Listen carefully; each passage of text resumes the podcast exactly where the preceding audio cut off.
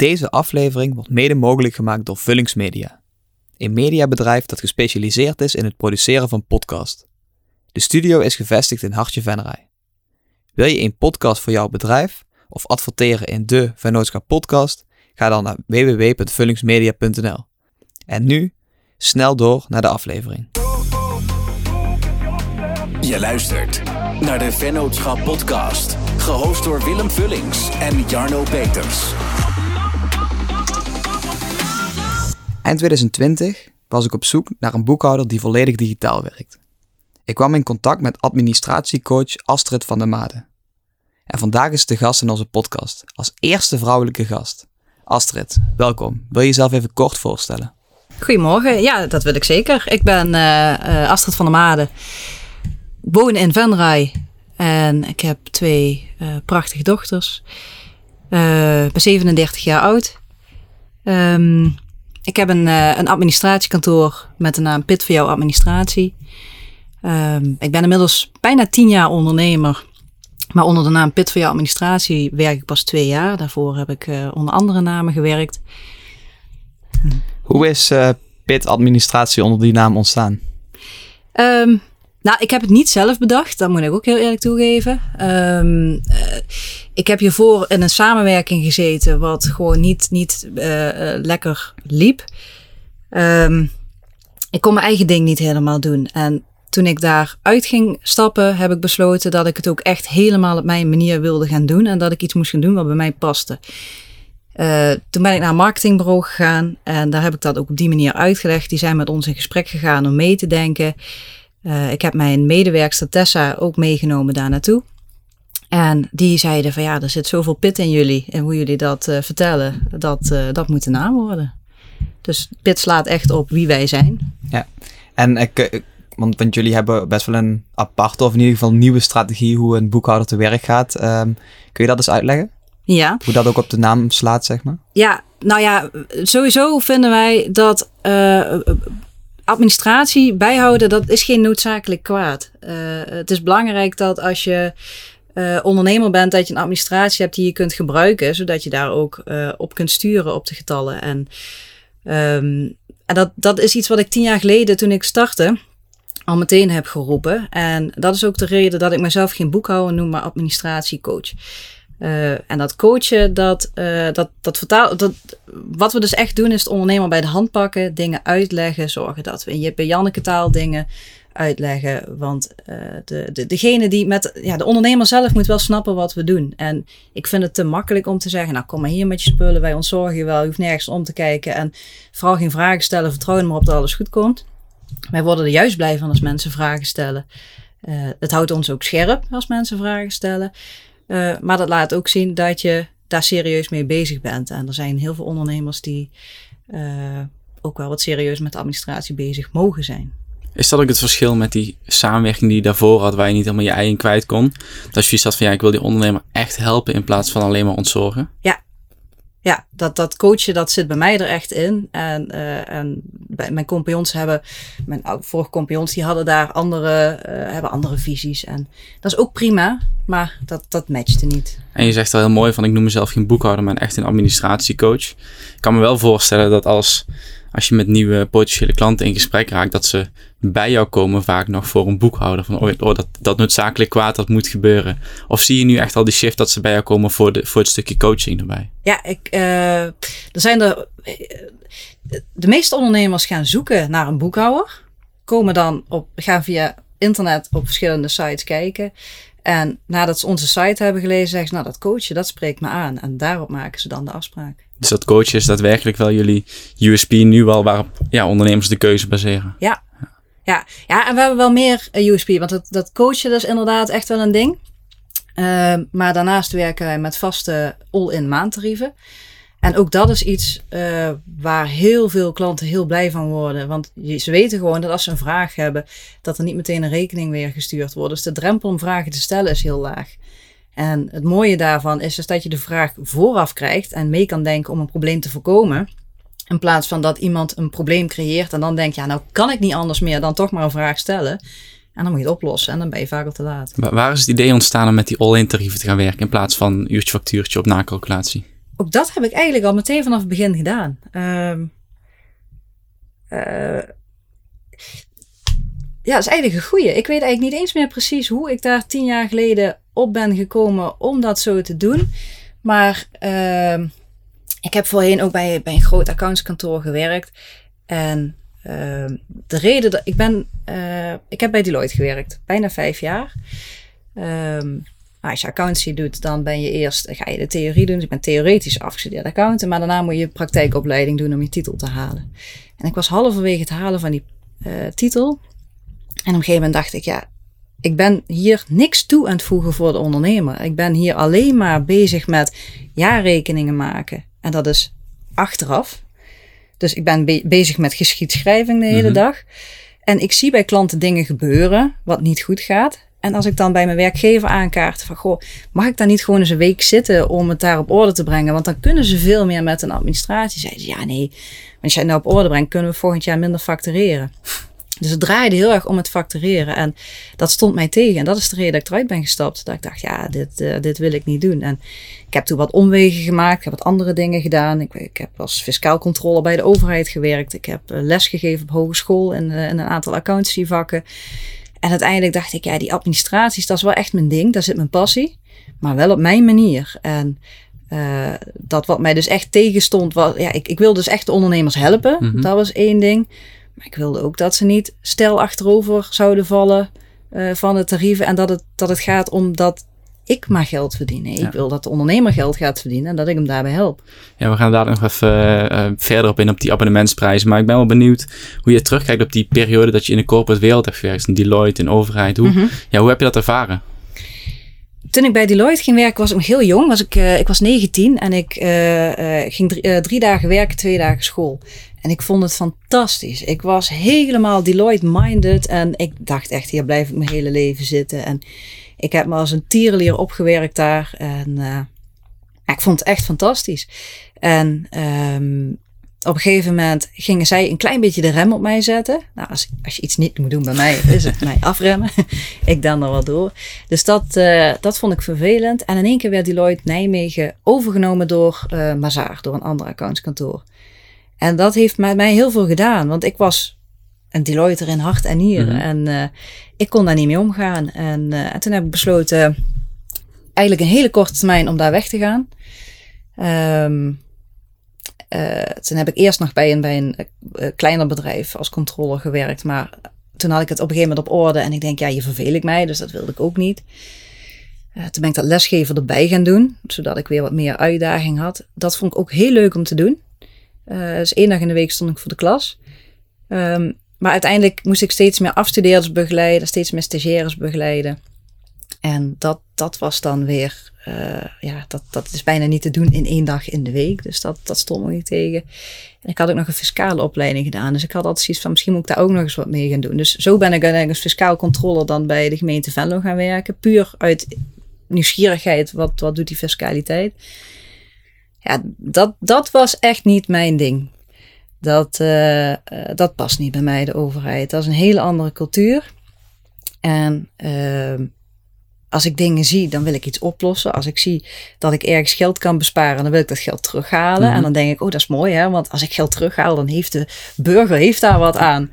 Maar dat werkt dus niet zo binnen de overheid. Dat is misschien ook wel eh, het grootste contrast, de overheid en ondernemerschap. Ja. Ik kan me voorstellen dat die eh, transitie best wel groot was. Ja, ja, dat was heel heftig.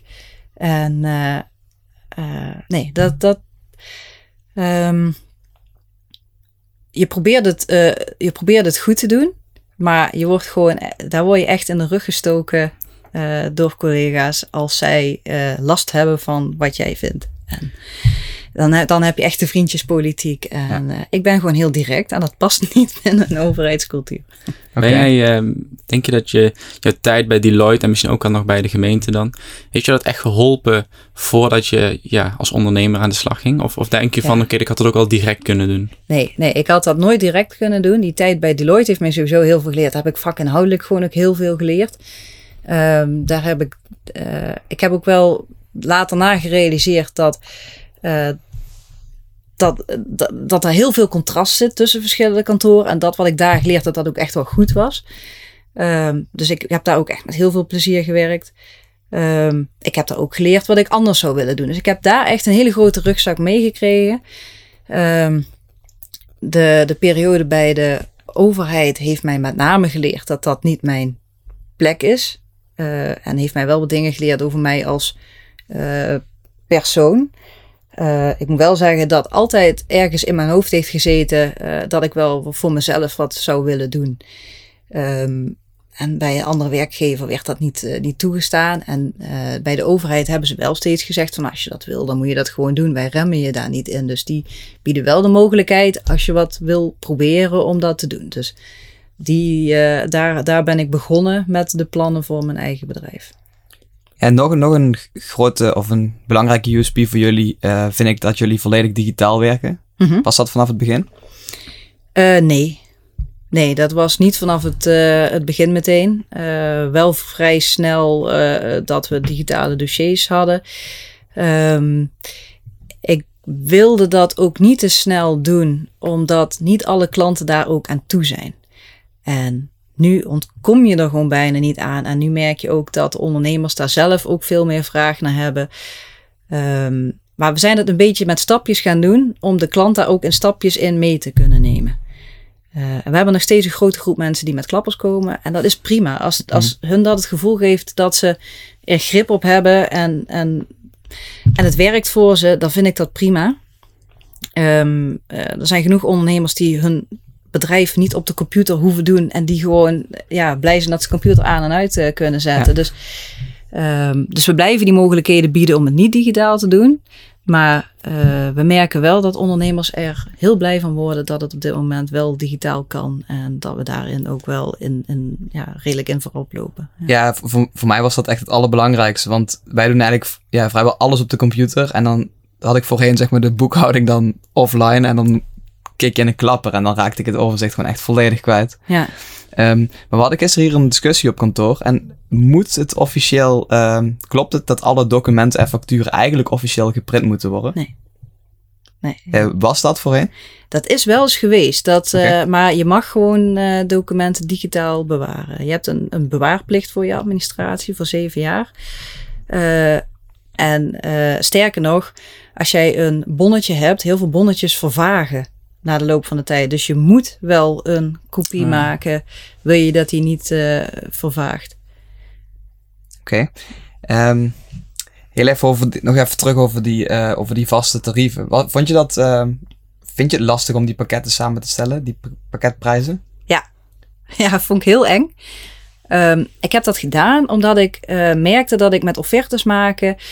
Um, het kostte mij heel veel tijd. Want bij iedere klant ging ik nadenken van, nou, wat zou deze klant allemaal nodig hebben? Hoeveel tijd gaat mij dat kosten? En welke prijs ga ik dat omzetten? En bij iedere klant was ik het opnieuw aan het bedenken. En dat wilde ik niet meer. Ik wilde die vaste, vaste tarieven. Um, maar om uiteindelijk dat vaste tarief te bepalen, ik vond het doodeng omdat ik dacht van ja, als ik nou vaste tarieven heb en die zet ik op de site, ja, er zullen misschien ook klanten zijn waarvoor het dan uh, te duur wordt ja. of uh, waarbij het pakket niet past of uh, moet ik dit wel zo gaan doen? ik vond het echt heel eng, heel spannend. ik ben op een gegeven moment, ik heb me opgesloten in een hotel in Utrecht een heel weekend om over die pakketten na te denken. En uiteindelijk heb ik het gewoon maar erop op internet, op de website gezet en het werkt fantastisch. Ja, wij zijn nu zelf heel erg bezig met, met het kiezen en nee zeggen tegen bepaalde dingen. Maar ja. dat is eigenlijk ook wat je doet met zo'n pakketten. Dus uh, je zegt eigenlijk misschien tegen een bepaalde groep nee, om tegen een andere groep volle bak ja te zeggen. Ja, nou wat het leuke is van die pakketten is, voorheen had ik ook wel eens gesprekken met uh, potentiële klanten. En dan heb je hele leuke gesprekken en dan vertellen ze wat allemaal misgaat bij de vorige boekhouder. En dat ze eigenlijk toch veel meer willen, veel meer verlangen en uh, meer betrokkenheid willen. En dan vervolgens geef je aan wat het kost. En dan zeggen ze ja, ja, maar ja, ik betaal nu maar 300 euro. En dan denk ik ja, dat is prima. Maar je, je wil veel meer dan waarvoor je nu betaalt, maar ja. je wil er niet voor betalen. En nu krijg ik die mensen ook niet meer, want ze hebben de tarief op de website al gezien. Dus die mensen blijven al weg. Dus ik ben ook geen gesprek aan het voeren met mensen die, die niet de meerwaarde zien van een goede boekhouder.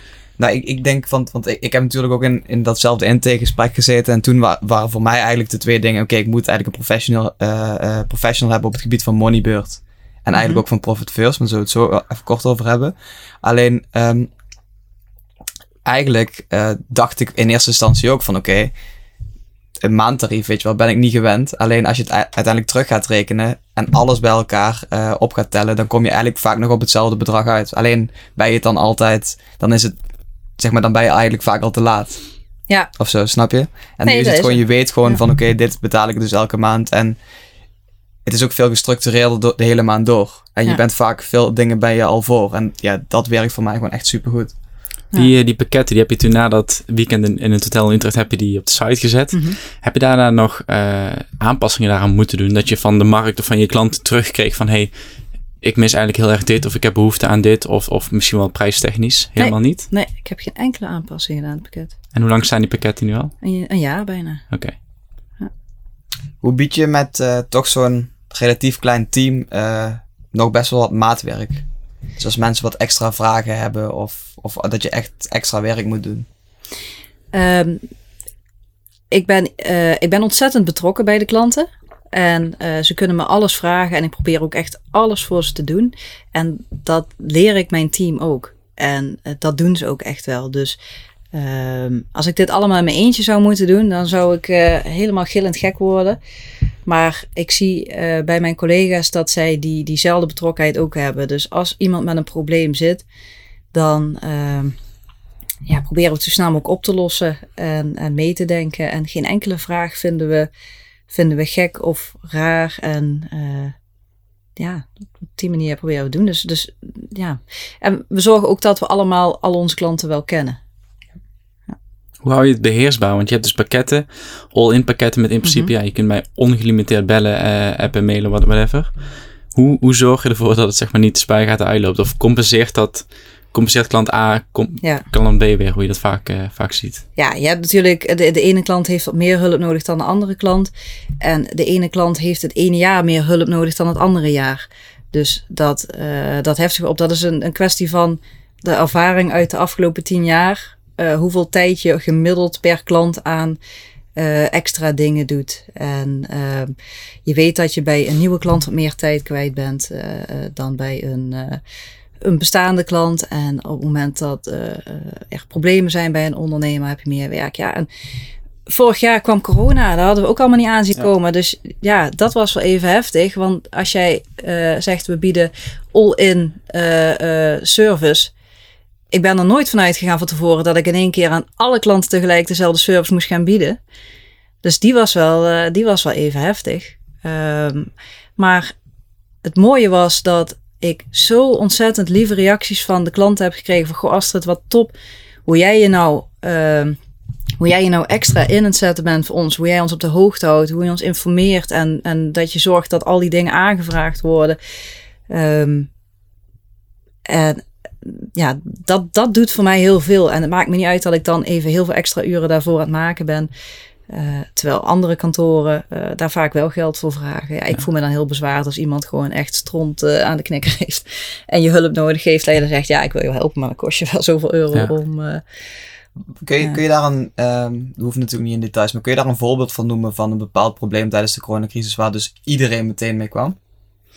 Nou, het was vooral die, die toen de coronacrisis net bekend werd, daar komt onzekerheid. En wat er gebeurde is, we hebben natuurlijk de branches waarvan iedereen weet dat het slecht ging. Hè? Nou, de horeca, evenementen, de kappers en eh, die moesten allemaal dicht. Maar eh, wat heel veel ondernemers, of wat heel veel mensen niet weten, is dat bij bijna alle ondernemers alles op slot ging. Want er was paniek.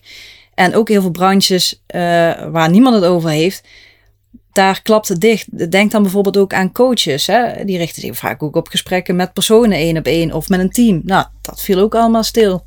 Ehm, mensen die doen in eh, veiligheidstrainingen. Ja, je, hoeft, eh, je hoeft geen ziekenhuis meer binnen te komen voor een BHV-training.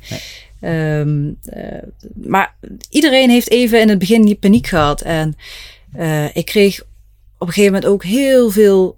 je, je probeert iedereen op voorhand te informeren, maar je bleef, blijft vragen krijgen. En uiteindelijk dacht ik: oké, nou moet ik heel even eh, eh, daar rem op zetten. En toen heb ik iedereen gemaild: van luister, ik, eh, ik ga vrijdag en zaterdag ga ik iedereen bellen. Eh, dus wacht even met je vragen en ik neem dan de tijd. En dat heb ik ook gedaan. Ik heb in twee dagen tijd toen alle klanten gebeld.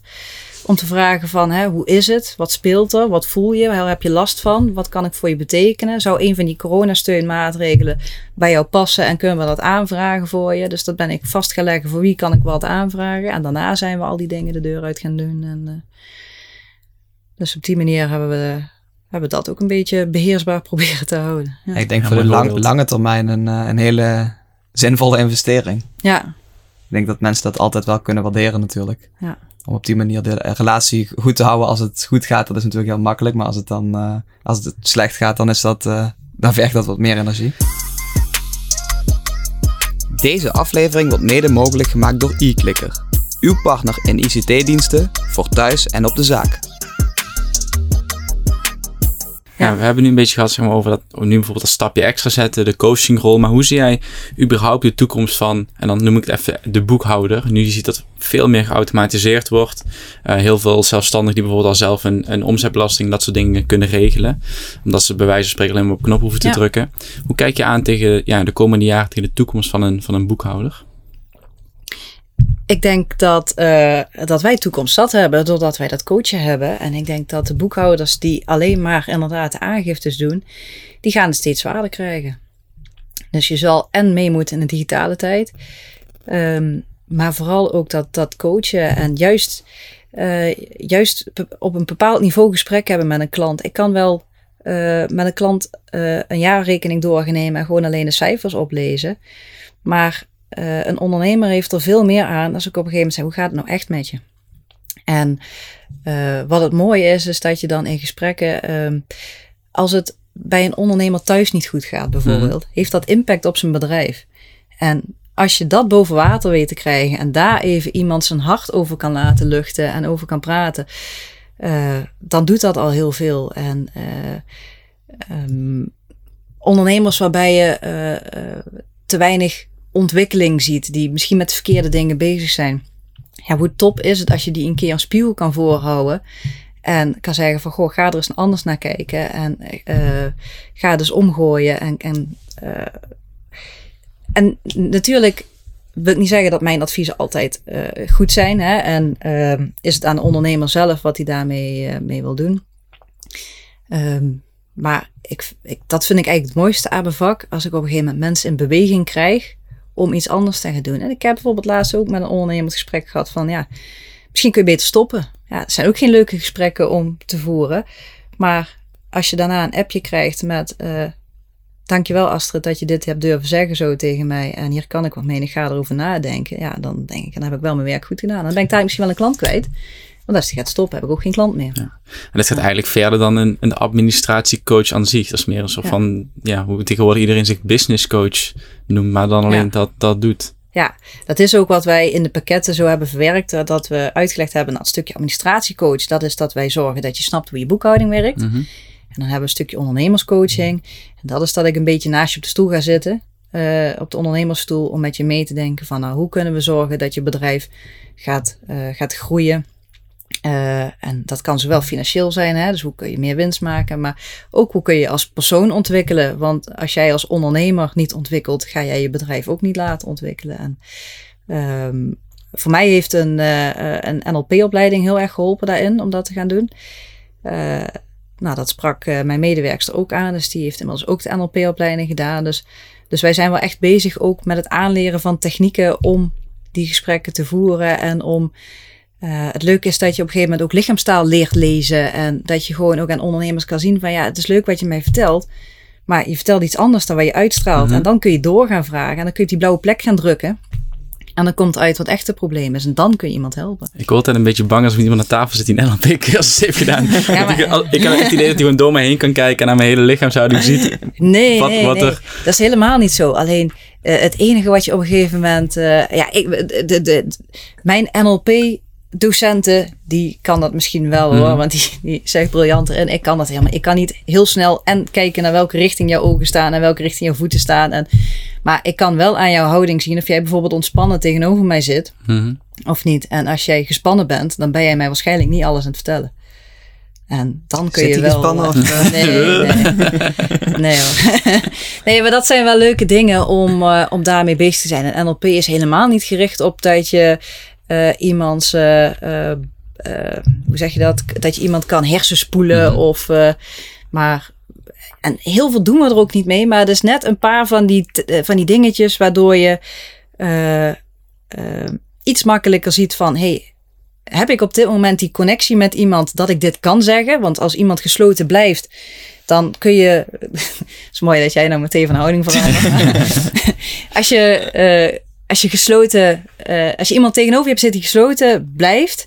En die je niet aan wil kijken, ja, dan heeft het ook geen zin om de diepte in te willen gaan. Als iemand daar niet voor open staat, moet je het ook gewoon niet doen. Ja, ik denk, zeg maar, de toegevoegde waarde van echt zo'n coach is dat ehm, ondernemers die, die zien dan kansen, die willen die grijpen, alleen vergeten misschien soms ook dat het echt haalbaar is. En als je dat, Ja. als je dat pas te laat inziet, dan is het ook een beetje zonde van je tijd om ergens super veel aandacht aan te geven en daarna pas te denken van oké, dit levert me wel heel weinig winst of, of je bent met de verkeerde dingen bezig. Dus naast dat iemand alle ideeën aanlevert en pioniert op een bepaald vlak, heb je eigenlijk tegelijkertijd meteen iemand die alle cijfers ernaast houdt en, en kijkt van oh, oké, is het haalbaar of is het überhaupt, überhaupt zinvol of kun je beter eh, het als hobby gaan doen en daarnaast te gaan werken bijvoorbeeld. Ja, en je ziet op een gegeven moment ook wel heel veel ondernemers dezelfde valkuilen, eh, in dezelfde valkuilen trappen. Nou, en met die kennis kun je andere ondernemers weer behoeden voor die valkuilen. Kun je daar een aantal voorbeelden van noemen? Nou, één voorbeeld is bijvoorbeeld dat eh, als ondernemers willen dat hun winst eh, vergroot wordt, dan wordt automatisch gedacht, als ik meer winst wil, dan moet ik meer omzet hebben. Nou, hoe ga ik meer omzet maken? Nou, dan moet ik gaan investeren. Dan moet ik reclame gaan maken. Dus dan gaan mensen kosten maken in de hoop dat die omzet groeit. Als die omzet dan niet groeit, ja, dan gaat je winst zelfs achteruit. Maar vaak worden er meer kosten gemaakt dan wat die omzet eigenlijk gaat toenemen.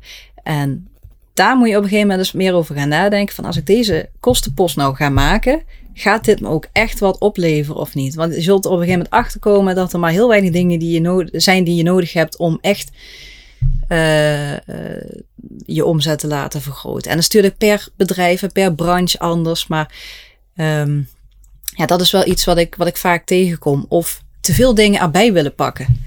Eh, terwijl juist focus heel belangrijk is. Zorg dat je met de goede dingen bezighoudt. En als je er te veel bij blijft halen, ehm, ja, dan weten mensen op een gegeven moment ook niet meer waarvoor ze je nou eigenlijk moeten, moeten vragen. En, en vooral vanuit een passie ondernemen. Dat is, dat is heel belangrijk. Eh, gewoon maar iets doen om geld te verdienen, dat gaat hem niet worden. Ja, soms is het gewoon lekker om met iemand om tafel te zitten die, jou- die even van een afstandje naar jouw business kijkt. Dus die wel weet wat er speelt, die wel weet wat je doet, maar die niet dagelijks letterlijk in zit. Dus die kan je eigenlijk gewoon heel makkelijk een spiegel voorhouden van, maar waarom doe je dit eigenlijk? Van waarom zou je die kant op gaan terwijl dit ook een mogelijkheid is? En Ja. als je dus in je eigen onderneming zit, dag in dag uit, 24-7 daarmee bezig bent, dan zie je vaak die, die kansen of die blinde vlekken, die zie je helemaal niet meer. Ja, nou wat grappig is, is dat ik eh, naar mezelf toe heb ik soms ook gewoon die blinde vlek hoor. Dus ik kan heel makkelijk spiegelen bij anderen. En bij mezelf doe ik dat soms ook niet. En kan ik ook de verkeerde keuze maken. Maar eh, dat, zijn ook alweer ervaringen die ik dan wel weer mee kan nemen naar eh, klanten toe. Dus ook ik ben tegen dingen aangelopen. En ook ik heb foute keuzes gemaakt. En ehm, of foute keuzes. Ik heb keuzes gemaakt die op dat moment goed voelden en die achteraf handiger hadden kunnen. Laat ik het dan zo, zo noemen. Ehm, maar ik denk dat dat het ook wel, wel leuk maakt dat ik... eh, ik ben net zo goed ondernemer als mijn klanten. Dus ik maak wel ook dezelfde dingen mee. En ik ben er ook heel open over. Dus ik deel dat ook met klanten. Ehm, ik, ik ga mezelf daar niet neerzetten als, alsof, alsof ik een of andere goeroe ben op dit gebied. En, en dat bij mij alles perfect gaat. Nou, ik heb echt dezelfde valkuilen ge- gehad dan de rest. Vind, vind je het zelf ook lastig om keuzes te maken? Eh, dat vond ik wel. Eh, niet meer. Ik, ik, ehm, ik vond het vooral ook heel lastig als ik dus een keuze had. Ja, nee, keuzes maken is voor mij nooit zo lastig. Als ik iets wil, dan doe ik het. Alleen als ik dan achteraf denk, ja, dat was misschien niet zo handig. Eh, het terugkomen op een keuze, dat was voor mij dan, oh, dan faal ik. Dan moet Mhm. ik toegeven dat ik het fout heb gedaan. Dat was echt een dingetje voor mij en dat heb ik wel moeten leren. Ik denk dat, ehm, dat ik het juist lastig vind als je je keuze maakt om dan zeg maar, als je ook echt daadwerkelijk de keuze hebt gemaakt, om daar dan dan komt een beetje zeg maar, dan word je echt getest. Dan word je echt getest, ja. En Ja. op het moment dat je getest wordt, ja, dat is gewoon echt mega lastig. Dan zoek je overal bevestiging en het maakt niet eens meer uit aan waar je dan bevestiging aan gaat vragen voor mij. Ja, nee, dat klopt. Ja, ik heb wel sinds een paar jaar eh, maak ik keuzes echt op onderbuikgevoel. En dat kan ik echt iedereen aanraden. Dus op het moment dat ik, dat ik een keuze voor iets moet maken, het enige wat ik doe is word ik je blij van of word ik je niet blij van. Ik ga niet alles helemaal eh beredeneren, voor- en nadelen afwerken, maar ik ga gewoon mijn onderbuikgevoel af. En als het niet goed voelt, doe ik het niet. En voelt het wel goed, doe ik het wel. En tot nu toe pakt dat eigenlijk best wel goed uit. en eh, het leuke is dat mijn team dat dus over begint te nemen. Dus als we ergens over bepaalde ideeën hebben en zij zien dat ik twijfel, dan zeggen zij al tegen mij, maar Astrid, ik zie die twijfel, dus je moet dit gewoon niet doen. Nee. Oké. Ehm, ik wil eigenlijk wat, eh, wat dieper induiken op Profit First. ja. Eh, wat is Profit First? Profit First is een methode waarbij je op een andere manier met je administratie omgaat. Dus in plaats van dat je gaat kijken van eh, wat is mijn omzet, wat zijn mijn kosten en wat blijft er onderaan de streep aan winst over, ga je sturen op geldstromen. En Profit First dat is een methode die eh, is in Amerika door iemand eh, bedacht en die is eh, naar Nederland gehaald. Ehm, en het idee erachter is dat je eigenlijk het, het, het vroegere huishoudpotje. Eh, wat wat eh, eh, moeders vroeger deden, was als er geld binnenkwam, dan ging ze dat verdelen. En er was een potje om leuke dingen van te doen en een potje voor boodschappengeld. En nou, op die manier had je een aantal, aantal potjes. En dat is wat je met Profit ook doet. Je zorgt dat je een aantal potjes hebt. Een potje om je belastingen van te kunnen betalen. Een potje om een salaris voor jezelf uit te kunnen betalen. Een potje waar je de rekeningen van betaalt. En door met potjes te werken heb je altijd voor ieder doel genoeg geld. En staat er niet genoeg geld, dan moet je daar ook niks aan uitgeven op dat moment. Dus als je kostenpotje leeg is, dan moet je op dat moment niet geld gaan uitgeven. Maar dan moet je gaan nadenken, hoe kan ik zonder geld uit te geven? Nou toch, eh, nou toch verder. En ehm, eh, het, is, eh, het, het leuke van die methode is in ieder geval dat het aansluit bij het gedrag van de mens. En daardoor is het een methode die, die eigenlijk wel heel goed werkt. En ehm, eh, wat, wat onderscheidt deze methode van andere? Van wat, wat zie je normaal veel gebeuren? Wat ehm, zie je normaal veel gebeuren dat mensen bijvoorbeeld hun geld uitgeven en daarna maar kijken wat voor winst dat er overblijft? Ehm, nou, eh, wat het gevaar is om te kijken naar winst, is dat je je niet realiseert dat winst voor een aantal doelen gebruikt moet worden. Want winst is en een salaris voor jezelf. Maar van die winst gaat toch ook nog echt een stuk naar de Belastingdienst. En van de winst moet je een buffer opbouwen. Van de winst moet je kunnen investeren. Dus die winst heeft verschillende doeleinden. Dus door alleen maar te kijken van, oh, ik heb 50.000 euro winst, dat is een mooi salaris. Ja, nee, dat is geen mooi salaris als je nagaat waar je daar allemaal nog voor, eh, voor moet doen. Dus door ehm, eh, met, die, eh, met die potjes te gaan werken, ehm, ga je wat bewuster nadenken. En een aantal dingen die heel vaak fout gaan en die je dus met die potjes kan voorkomen, is dat ondernemers op een gegeven moment. eh, eh, belastingen betaal je vaak niet maandelijks. Hè. BTW betaal je vaak per kwartaal en de inkomstenbelasting betaal je vaak aan het einde van het jaar achteraf. Ehm, dus er komt geld binnen op je bankrekening waarvan een stukje gewoon niet voor jou is. Maar het staat wel op je bankrekening. En hoe lekker is dat als jij ziet dat daar geld op staat om daar een keer iets leuks voor te doen? En dat doen we allemaal wel eens. We komen allemaal wel eens in die verleiding om daar wat extra's voor te doen. Wat dan het gevaar is, is als jij eh, steeds ietsje meer uit je bedrijf gaat halen. Je gaat wennen aan dat uitgavenpatroon. Hetzelfde als dat jij nu 2000 euro netto eh, salaris hebt. Als jij van je baas 2100 euro krijgt, die 100 euro blijft aan het eind van de maand niet over op je op. rekening. Die gaat gewoon op. Dus als jij als ondernemer steeds ietsje meer eruit haalt, het gaat gewoon op en je hebt het niet door. Als het dan een keer tegenvalt in het bedrijf en je moet er eigenlijk minder uithalen, dan doe je dat niet. Want dat kun je niet meer. Want dan moet je in één keer keuzes maken die je niet wil maken. En dat doet pijn en dat voel je. En dat is heel lastig. Dus met Profit First kun je onder andere voorkomen dat je te veel privé uit de zaak trekt. En daarnaast kun je voorkomen dat je die belastingdienst vergeet. Dus iedere keer van al het geld wat binnenkomt, zet je al een stuk apart wat gewoon niet voor jou is.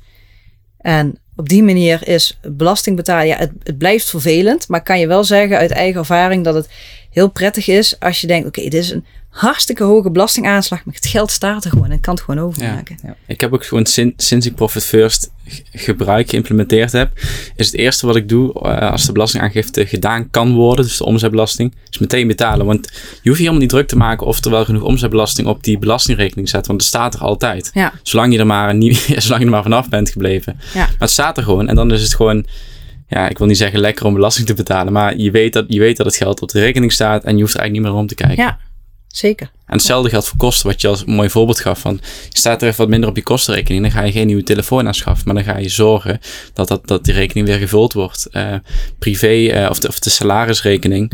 Je ziet gewoon letterlijk aan het einde van de maand van was het een goede maand of was het een minder goede maand. Want Ja. je ziet niet één totaalbedrag. Nee, je ziet het verdeeld over jouw, ja, jouw geldstroom, jouw potje. En dat, Ja. ik denk met name voor starters, ik weet niet hoe dat in het grotere MKB, ehm, hoe dat daarvoor is. Dat weet jij misschien beter. Maar voor starters is het echt, ja, ik zou het iedereen, eh, iedereen aanraden. Ja, maar ik zou, het, ik zou het ook niet alleen voor starters aanraden, maar ook voor ondernemers die op een gegeven moment door willen groeien. Eh, want eh, op die manier kun je wel zorgen dat je op een gezonde manier doorgroeit. En ehm, dat je inderdaad dus niet in één keer toch verzeilt in dat je meer kosten gaat maken dan wat je daadwerkelijk nodig hebt om door te groeien. En ehm, om dat gewoon onder controle te houden, is dat wel een heel mooi systeem. Ja. Waar, ligt een beetje de grens dan? Qua, tot, tot welke orde van grootte is ik Profit denk, First? ik denk dat alle groottes dat wel, eh, wel kunnen. Oké. Denk, ja, ik, ik, maar het is de vraag of alle bedrijven het nodig hebben. Dat is, maar eh, ik denk wel dat, eh, dat heel veel ondernemers daar baat bij kunnen hebben om het, om het toe te passen. Ja, dus ik kan, ik kan iedereen aanraden om dat boek gewoon ook een keer te Ja. lezen. Ehm, en, en als je het boek leest, dan heb je eigenlijk al de basis, eh, eh, de basis te pakken. En ehm, Het is ook een stuk makkelijker dan je denkt om het daadwerkelijk te implementeren. Tenminste, zo heb ik het dan ervaren. Ik vond het, Ja. het lijkt een, lijkt een heel gedoe om, om ineens vijf of zeven rekeningen te hebben. Maar eigenlijk Ja. is het eh, in de praktijk heel simpel. Ja, kijk, en ik, ik wilde ook best wel heel open voor over zijn, want wellicht dat iemand wat aan dat verhaal heeft. Maar ehm, toen ik uit die samenwerking stapte en, dus onder de naam Pitvia Administratie eh, verder ging, ehm, uit die samenwerking stappen, dat heeft me best wel wat gekost. En eh, ik moest een heel nieuw bedrijf opstarten. Daar heb ik een hele grote investering voor moeten doen. En ik moest alles in één keer helemaal opnieuw aanschaffen. En dat geld had ik niet. En dat geld heb ik moeten lenen. En ehm, dus uiteindelijk ga je. d- ja, ik, ik had het best pittig in het begin. En ik ben vanaf dat moment meteen Profit First gaan toepassen. En het is me gelukt door om met die potjes te werken. Om eh, die schulden met iets meer dan een jaar af te lossen. En dat, dat had ik zonder Profit First niet gered waarschijnlijk. Want als je op een gegeven moment dan je bankrekening toe ziet nemen, denk je van hé ja, dat is, dat is leuk hè. Ja. Maar nu heb ik dus die grip erop kunnen houden. Eerst die schulden weg. En even goed gewoon een normaal salaris voor mezelf. Het is niet zo dat ik zelf niks overhield hoor. Maar het is wel echt kicken als je op een gegeven moment ziet dat je zo'n flinke schuld in zo'n korte termijn kunt aflossen. Door gewoon gestructureerd met die geldstromen te werken. Het is natuurlijk wel zo dat, tenminste dat denk ik dan, als je dus die pakketten aanbiedt waar we het op het begin over hadden, dan is Profit First eigenlijk wel nog een stuk makkelijker dan dat je eh, met grotere projecten werkt. Eh, bedoel, dan bedoel ik eigenlijk met betaaltermijnen en zo. Klopt dat? Ehm, hoe bedoel je met grote projecten? Als jouw klant, als jij ja, je, cash, hebt waar je... je, je cashflow is eigenlijk meer op orde op het moment dat je Oh, elke zo. maand... eh, Ja, nou ja, als je. eh, kijk, ik heb inderdaad met maandabonnementen. Bij mij komt iedere maand een bepaald bedrag binnen. En dan kun je makkelijk sturen. En als je inderdaad eh, grote projecten hebt waarbij de inkomsten wisselend kunnen zijn. Ja. dan, dan kan het wat lastiger zijn. Waar je mee in de knie kan komen, is met vaste lasten. Ja. Want je opbrengsten schommelen, maar je vaste lasten blijven iedere maand terugkomen. Maar ook dat kun je wel met die potjes regelen. Wat je dan moet doen, is zorgen dat op het moment dat er dus meer geld binnenkomt, en dat je vaste percentages in die potjes zet, komt er meer binnen, zet je ook meer in dat potje. Alleen moet je dan zorgen dat je dat potje niet die maand leeg maakt, maar dat je er rekening mee houdt. En volgende maand komt er minder binnen. En dan moet ik het ook met dat potje doen. Nou, en als je dat lastig vindt, dan zou je een extra potje kunnen maken voor eh, vaste lasten. Die bijvoorbeeld ook één keer per jaar afgeschreven worden. Want ook dat kan een knelpunt zijn natuurlijk. Dus, dus er zijn, er is een, als je dat boek leest, dan zie je dat er een basis is van, eh, van, van vijf potjes. Maar je kan er gewoon meer maken om, eh, om te helpen. Ik, heb, ik, begeleid iemand die ook met, met potjes wil gaan werken. En die heeft in de, in de winter veel minder opbrengsten. Dus daar hebben we een potje buffer winter. Ik wil even een aantal jaar terug in de tijd. Wat Ja. wilde je vroeger worden? Poeh. Ik heb vroeger eh, heel veel verschillende dingen willen worden, maar dat was allemaal niet heel serieus hoor. Eh, van, ik, eh, buschauffeur en, eh, en eh, juf en eh, weet ik veel wat allemaal. Maar vanaf mijn zestiende was ik eh, gefocust op de accountancy. Welke opleiding had je dan? Ik heb de accountancyopleiding gedaan en fiscale economie. Ik denk dat ik het stiekem al wel heb gehoord in het gesprek. Maar wat vind je nou het allerleukste aan je werk? Ja, het, het, iets, iets, eh, ondernemers kunnen bewegen tot een betere versie van zichzelf. eh, dat, dat vind ik echt, eh, echt tof. Wat dus veel verder gaat dan het bijhouden van de administratie. Welke persoon inspireert je op dit moment? Eh, ik heb niet echt één persoon die mij inspireert. Ehm, ik, ik heb gewoon, ik, ik, zie- ik heb vooral ondernemers om me heen waar ik, waar ik bepaalde eh, eh, energie uithaal of eh, leuke dingen uithaal. En ehm, ik doe vooral mijn eigen ding. Ik ben niet iemand die dingen gaat kopiëren van, van anderen. Waar ik gewoon heel blij van word, is van, en, en, en wat ik ook gewoon graag wil doen, is ondernemers die vanuit hun passie hun ding doen en die gewoon eh, vriendelijk zijn, eh, gewoon lekker aan het werk zijn en eh, niet bezig zijn met over de rug van anderen geld verdienen. Vooral mensen die heel positief in het leven staan, dat, daar word ik blij van. Zo mensen om me heen. Waar ben je het meest trots op? Ja, er zijn wel een, ja, nou ja, er zijn, er zijn wel een paar dingetjes waar ik trots op ben. Het is wel, wel, wel raar om te zeggen, want dat komt zo alsof, ja, alsof ik naast mijn schoenen wil gaan lopen of zo. Maar ik ben er sowieso wel trots op waar ik sta met mijn bedrijf. Eh, het is niet iets wat ik eh, vanuit eh, huis uit heb meegekregen of zo. We hebben geen ondernemersfamilie waar ik dit geleerd heb. Of, ehm, dus dit heb ik echt helemaal zelf gedaan. Daar ben ik trots op. Ik ben natuurlijk hartstikke trots op mijn meiden. Ehm, ik was ook heel trots. Twee jaar geleden heb ik op het podium gestaan voor de Venderijkse ondernemersprijzen. Nou, dat, dat zijn ook weer dingetjes. Dat is gewoon kick om te doen. Dus eh, ja. Hoe ziet jouw eh, optimale werk, week eruit? Ik, volgens mij in je mail staat op vrijdagmiddag niet aanwezig. Dat is bijvoorbeeld een van de, de dingen die je echt inbouwt. Ja, maar ik ben daar niet zo goed in. nou, ja, dat is wel grappig dat je dat zegt. Mijn, mijn ideale werkweek zou met name inderdaad zijn eh, dat, je, dat je af en toe gewoon ook even zelf kan bepalen wanneer je wil werken. En dat als het even, even hè, iedereen heeft wel eens een slechte dag. En zo'n dag zou je gewoon eens je deken zo je hoofd willen trekken en denken, weet je, vandaag gewoon even niet, want er komt toch niks uit. En eh, voor mij zou het dus op zo'n moment ideaal zijn dat je dan ook even met rust gelaten wordt. En dat is nog wel eens lastig, eh, want mensen weten gewoon dat je er altijd voor bent. Dus ik word gewoon heel vaak gebeld en gemaild. Dus ook die vrije vrijdagmiddag, ik heb het inderdaad bewust in mijn e-mailhandtekening gezet dat ik op vrijdagmiddag vrij ben. Ik ben dan thuis met mijn meiden. Eh, maar je wordt toch gebeld of geappt. En dus die vrijdagmiddag, eh, ik zou nog heel graag willen leren hoe ik daar nog wat meer van kan genieten. In plaats van dat ik stress ervaar op het moment dat ik zie, oh, maar er komen mails binnen. En ze zijn me aan het bellen en ze zijn me aan het appen. En... Dus mijn ideale werkweek is dat ik aan het werken ben wanneer ik aan het werk wil zijn. En dat als ik even niet aan het werk ben, dat ik ook even uit kan staan. Is dat lastig als je een team hebt dan als je echt zelfstandig zou zijn? Het Nou, werken wanneer je wil? Eh, nee, nee. Ik, eh, mijn, eh, als ik eerder naar huis ga dan mijn collega's, dan word ik daar niet op aangekeken. Want die weten ook dat ik in de weekenden s'avonds vaak genoeg aan het werken ben of zo. Dus dat vind ik niet lastig. Daar heb, ik geen, eh, daar heb ik geen moeite mee. Het is juist als je een team hebt, dan weet je in ieder geval dat het bedrijf doordraait. Dus als er iets dringend is, kan ik klanten doorverwijzen en zeggen van, nou, hè, er zitten er twee op kantoor, bel daar maar naartoe. Ja. Ehm, ja. Heb je naast Profit First nog een andere leestip voor de luisteraars?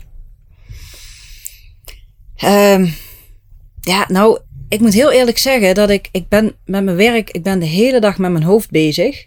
En als ik dan thuis ben, dan wil ik niet ook nog allerlei zware managementboeken en alles lezen. Daar heb ik eigenlijk helemaal geen zin in. Dus ik lees eigenlijk gewoon van die flut thrillers en zo, om even uit te staan. Eh, dus om dat nou als leestip te noemen, niet. Ik, ik, wat ik wel een mooi boek vond om te lezen is van Michael Pilatschik, Leef je mooiste leven. Dat, eh, eh, dat sluit wel een beetje aan met hoe ik uh, daar ook tegenaan kijk. Het groene boekje. Ja. Hey, um, we sluiten af met het spel dilemma's. Oh jee. Moet zo snel mogelijk antwoorden, Jan, en ik leg je om zijn beeld een dilemma voor. Uh, ik ga beginnen. Venray of Vendo? Venray. Bellen of whatsappen? Whatsappen. Witte of rode wijn? Witte. Vijf sterren hotel of camping? Vijf sterren hotel. Club of kroegtijger? Uh, kroegtijger. Wintersport of zonvakantie? Zon. Ochtend of avondmens? Avond. Specialist of generalist? Generalist. Moneybeurt of snelstart? Snelstart. Leider of volger? Leider. Podcast of radio? Radio. en de laatste spreken of luisteren? Uh, spreken. Heb jij nog een gouden tip voor onze jonge luisteraars? Um, ja, heb ik wel. Um, blijf niet, en dat is met name gericht op, op ondernemers dan. Hè? Uh, ga vooral stoppen met dromen, maar ga gewoon eens hardop uitspreken wat je doel is en waar je naartoe wil werken. Want zolang het in je hoofd blijft zitten, blijft het ook daar. En durf gewoon eens hardop uit te spreken: ik wil dit jaar zoveel omzet draaien, of ik wil dit jaar zoveel winst maken. En um, pas als je dat hardop uitspreekt en daar een concreet plan voor durft te maken, gaat het ook komen. Zolang je hoopt een keer een bepaalde omzet te halen, dan blijft het bij hopen. Een hele mooie. Bedankt voor je komst. Dankjewel. Graag gedaan, jullie ook bedankt.